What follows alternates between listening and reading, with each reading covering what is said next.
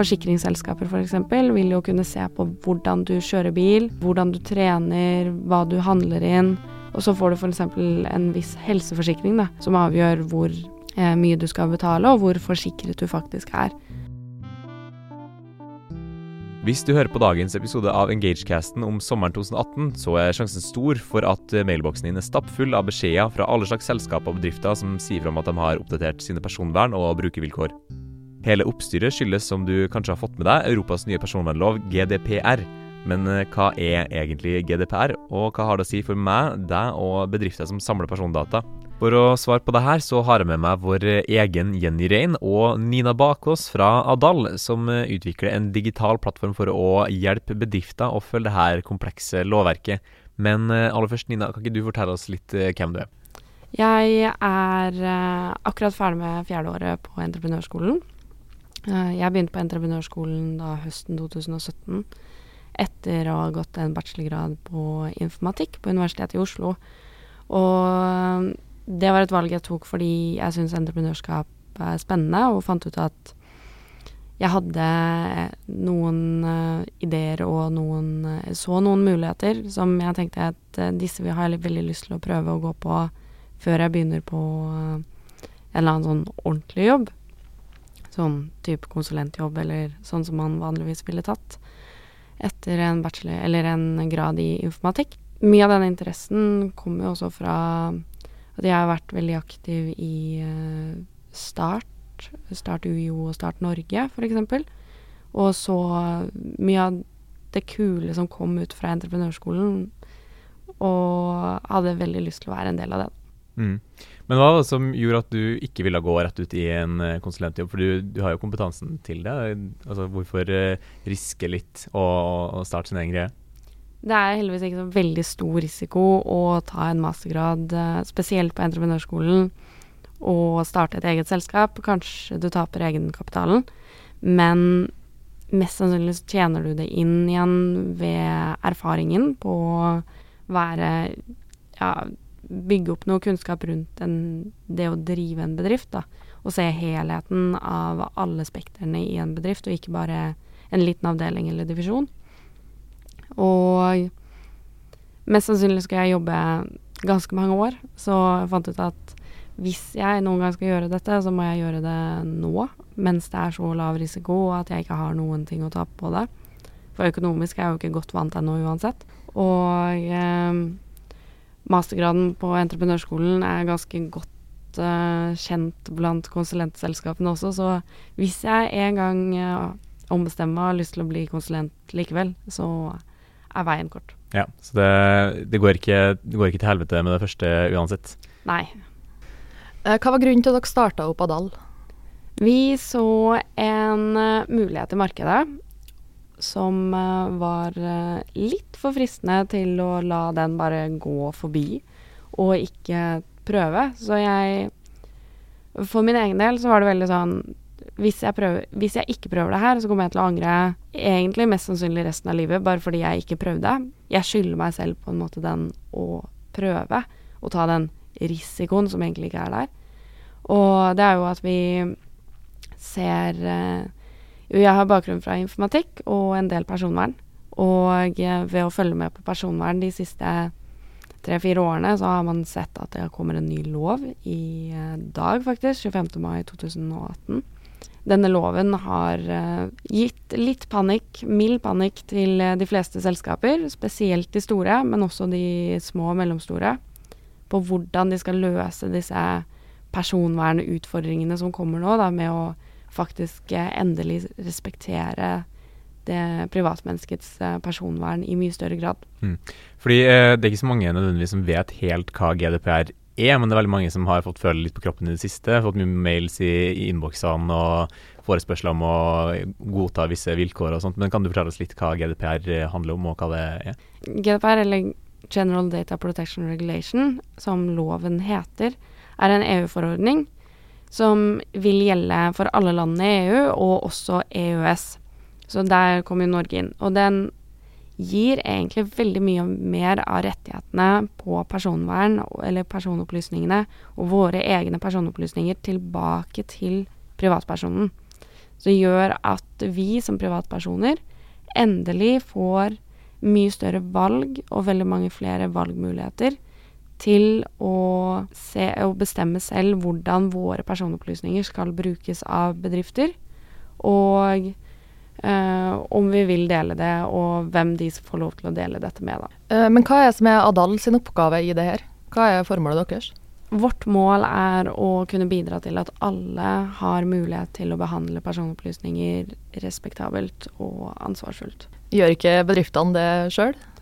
De færreste har inhouse-kompetanse på personvern, dessverre. Og egentlig så vi har altfor lite kompetanse på personvern i Norge generelt. Så det er ekstremt etterspurt om dagen. Så eh, veldig mange konsulenthus og advokater har fokusert mye på personvern de siste årene og bygget opp eh, ganske god kompetanse der. Fordi det er en veldig etterspurt kompetanse. Som også gjør at man kan ta ganske mye penger for å hjelpe bedrifter, og i tillegg rekker man jo ikke å hjelpe alle. Det er veldig lite skalerbart å være enten drive rådgivning eller konsulenttjenester. Så det er en viss mengde bedrifter man egentlig får hjulpet med den kompetansen vi har i Norge per dags dato.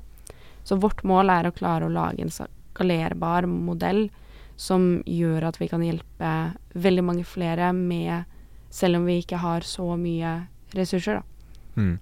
Fordi det folk ville ha gjort før eh, Adal, det var jo å eh, hyre inn eh, jurister eller hyre inn konsulenter, eller bruke masse penger da, på å ikke bare hyre inn arbeidskraft. Men eh, hva liksom alternativet Adal stiller opp med, da? Vi eh, jobber nå med å lage en digital plattform, eh, det vi tror kommer til å bli en digital plattform, hvor vi prøver å putte inn så mye strukturert informasjon og kompetanse som mulig på dette, som gjør at vi kan på mange måter drive mer sånn hjelp til selvhjelp, eh, en slags fiken for personvern, som gjør at bedrifter selv kan klare å deale med personvern, og etter hvert også flere reguleringer. Adal er jo en litt sånn unik posisjon, for at dere har jo hatt kunder helt siden oppstarten. Hva er grunnen til det? Det er jo rett og slett fordi det er så etterspurt kompetanse, da. Så i det vi ja, jeg har brukt nettverket mitt bitte litt. Sånn at uh, jeg snakker jo om hva jeg driver med og hva jeg er på vei til å starte opp. Og da møtte jeg en startup ganske tidlig som sa at OK, når dere er klare, så er vi klare, og da kjører vi salg, på en måte. Så da var det jo bare å etablere firma, og så ut, sende ut en uh, oppdragsavtale, og så starte å jobbe.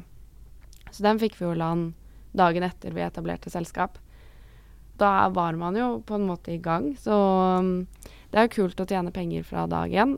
Det er jo veldig en stor hjelp når man driver selskap, og ikke nødvendigvis være avhengig av å kunne hente penger fra andre steder, da, sånn softfunding eller uh, Etter det så har det egentlig bare gått organisk og møtt flere som trenger hjelp, eller og dette jobber vi også med, og vi trenger hjelp, kunne dere bidratt? Og da sier man jo bare ja. Mm. Men nå som GDPR er helt uh, flunka nytt, så er det selvfølgelig veldig mange som har litt sånn, kanskje litt sånn panikkangst da, uh, av, uh, av, bedrifter. Hvordan skal de løse det her, og hva, hva, hva, slags grep må man ta? Men når GDPR har eksistert i, i, mange år, og det har på en måte blitt en del av bedrifter sin vanlige prosedyre, da, det er måten å behandle personvernopplysninger på, vil ikke dere miste på en måte kundegrunnlaget deres? Det er absolutt en mulighet. Det vet vi jo ikke ennå. Vi aner jo ikke hvordan dette kommer til å utarte seg. Og vi tror at uh, vi absolutt er inne i en kjempehype akkurat nå. Personvern kommer aldri til å gå ut på dato i det hele tatt, så vi kommer jo alltid til å ha noe å gjøre. Men antageligvis aldri ha så mye å gjøre som vi kommer til å ha nå og kanskje det neste halvåret og året. Men vi ser også at små og mellomstore bedrifter vil alltid ha sånne småproblemer med å deale med f.eks. juridiske problemstillinger. Og klarer vi å løse personvern på en kul måte, så kan vi løse egentlig alle juridiske problemstillinger på en kul måte. Og det er det vi, som er målet vårt til slutt. Da. Mm. Så utvidet handler om eh, mer enn bare GDPR, men også ja. andre ting? Så GDPR er en veldig smooth vei inn, mm. fordi ja det har så mye oppmerksomhet som det har. Men etter hvert så tror jeg vi kan klare å få til uh, mer enn det. Mm. Derfor Man ser jo også utviklinga i, i Kina, f.eks. med personvern der. Der er det jo utrolig mye data harvesting og eh, altså ansiktsgjenkjenning og alle Du får ikke ta flyet hvis du har dårlig sosial kreditt og sånt. Eh, er det en utvikling du kanskje ser liksom kan være med på å eh, booste dere eh, altså frem i tid? Da, at det skjer veldig mye utvikling på personvernfronten? Kanskje, og kanskje det motsatte. Det syns vi er veldig vanskelig å si. Hva, det avhenger så veldig mye av hva privatpersoner vil, da. Og denne her kunne vi jo diskutert i en evighet, hva som på en måte er uh, galt og rett. Uh, det som skjer i Kina nå, er jo at man legger opp et uh, sosialt kastesystem, et digitalt kastesystem etter hvordan du bruker internett, om du gamer mye, hvem du er venn med hvordan betalingsevne du har, og hva du handler og hva du gjør. Og ut fra det så bestemmes hvilken skole barna dine får lov til å gå på, hvilken jobb du får lov til å ha, om du får lov til å reise i det hele tatt, og hvilken hastighet internettet ditt får. Og dette er jo kun fordi vi vet, eller kineserne vet alt om alle kineserne. Og kineserne er jo veldig positive til dette, for de som har en god score, de får masse pluss. Og på mange måter så ser vi jo en sånn utvikling i Europa også. Staten kommer jo ikke til å gjøre dette, så vi ender jo ikke opp som Kina. Men forsikringsselskaper f.eks. For vil jo kunne se på hvordan du kjører bil, øh, hvem, hvordan du trener, hva du handler inn. Og så får du f.eks. en viss helseforsikring da, som avgjør hvor eh, mye du skal betale, og hvor forsikret du faktisk er. Og dette utgjør jo også på mange måter et slags syst, kaste, ja, ikke nødvendigvis et kastesystem, det er ikke et statussystem heller, på en måte, men det vil jo gjøre at de som kanskje ikke har det så bra, får det enda dårligere, og de som har det veldig bra, de får det enda bedre. Og der GDPR er veldig med på å hjelpe til at vi får velge hvorvidt vi ønsker dette eller ikke. Men det vil jo lønne seg så mye å gi fra seg personopplysninger at veldig mange kommer til å gjøre det. Og jeg merker det jo selv. Altså, jeg deler alt med Google og Facebook. Altså at Google kan vite alt om meg og lese mailene mine, gjør at jeg trenger jo ikke å planlegge noen ting selv. For de vet jo alle avtalene jeg har, og alt ligger klart i kalenderen fra før av. Mm. Så GDPR vil ikke på en måte kvitte kvitt oss med det problemet? Nei, det vil være et helt sosialt problem, eller altså ikke problem, da, men en problemstilling som vi må deale med selv, da. Men vi har valget til å få lov til å deale med det. Og det er jo det GDPR gjør, at vi får den At alt ligger på oss, og ikke på bedriftene.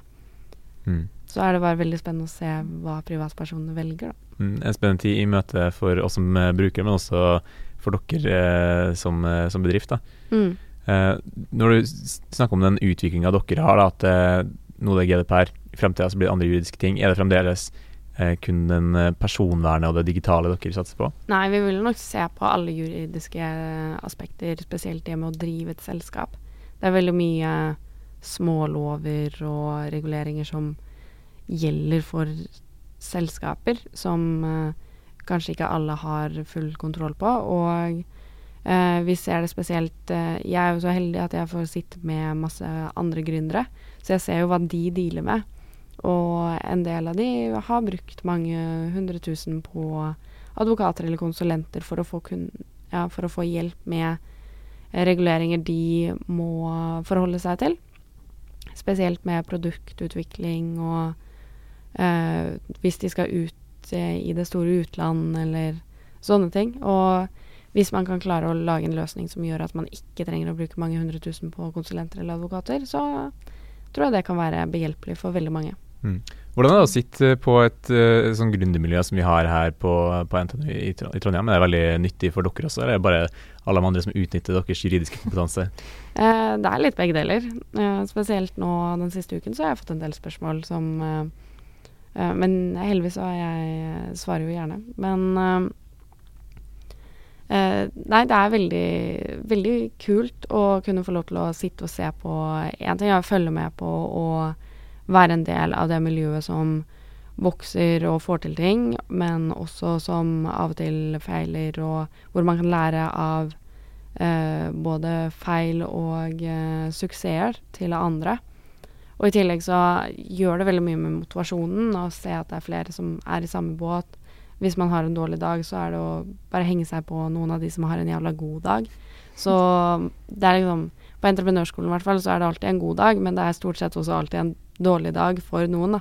Så det Man finner alltids noen å lære av og hente erfaringer av, og det er utrolig nyttig når man sitter i en sånn situasjon hvor man må bare deale med alt, mm. Små bedrifter og startups må jo følge samme reglementet som store aktører som Google og Facebook. Eh, hvordan kommer GDPR til å påvirke f.eks. de små startupsene her på entreprenørskolen? Vi har en del startups som bruker eh, GDPR som et konkurransefortrinn, eller det at de jobber mye med GDPR og er GDPR compliant, som vi kaller det. Og eh, der ser vi at eh, i hvert fall de som går til bedriftsmarkedet, hvor det er store aktører som skal kjøpe små aktørers tjenester, de er veldig viktige på at man har, er GDPR compliant. Og for uh, startups så har man heller ingenting å rydde opp i, i fra fortiden.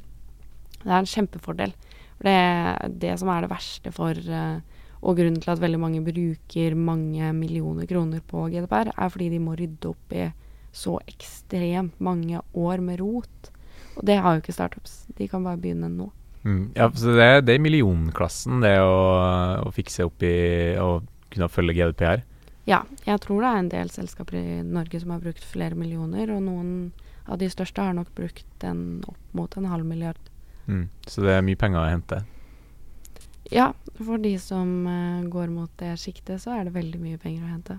Men, men dere da, dere tilbyr en, uh, altså en, en, billigere løsning? Ja, vi prøver å ikke hjelpe til uh, på alle felt, men heller hjelpe til med at bedrifter kan hjelpe seg selv. Som gjør at vi trenger ikke å bruke så mye tid og ressurser på hver kunde. Og det viktigste er at det er økonomisk bærekraftig for kunden å bruke oss, men også at uh, vi på en måte får de Ja, at det er bærekraftig for oss også, da. Uh, så vi legger veldig mye opp til oppdragene sånn at det er bærekraftig for begge parter, og for veldig mange av våre kunder så er det enten å få litt hjelp eller ingenting, egentlig. For de har ikke så mye ressurser til å bruke på dette. Mm. Men uh, hvor går eh, veien videre for dere i Adal uh, nå? Nå så har vi akkurat ansatt uh, våre to første ansettelser, så det er jo både skummelt og gøy på en gang. Så vi får inn to summer interns i slutten av juni, som skal jobbe med oss i løpet av sommeren. Hvor vi skal jobbe spesielt mye med å lage denne eh, første prototypen til eh, vårt første produkt. Eller første pro... Ja. Hvor vi skal lage den første prototypen til vårt første digitale produkt. Og eh, det blir veldig spennende, så vi håper vi har noe vi kan teste i løpet av høsten. I tillegg så skal vi jo jobbe videre med å antageligvis holde litt foredrag og eh, være litt rådgivende for andre som trenger det. Merker du ikke at interessen for produktet er stort, eller? Ja, det Ikke hørt noe negativt ennå, så det er jo kult. Men uh, det betyr jo også at det bare kan gå én vei, og det er jo egentlig nedover. da får vi krysse fingrene og satse på at det ikke blir sånn. Tusen takk til deg, Nina Bakås fra Adal og Jenny Rein fra Engage. Og tusen takk til deg som har hørt på. Mitt navn er Rasmus Vardemann, og det her har vært Engagecasten. Hvis du er interessert i entreprenørskap og innovasjon, så kan du lese flere gode tekstsaker på vår nettside engagecenter.no, hvor du også finner flere episoder av Engagecasten om det skulle friste. Hvis du liker det du har hørt, gi oss gjerne en follow på SoundCloud eller en femstjerners anmeldelse på iTunes, så blir vi veldig glad.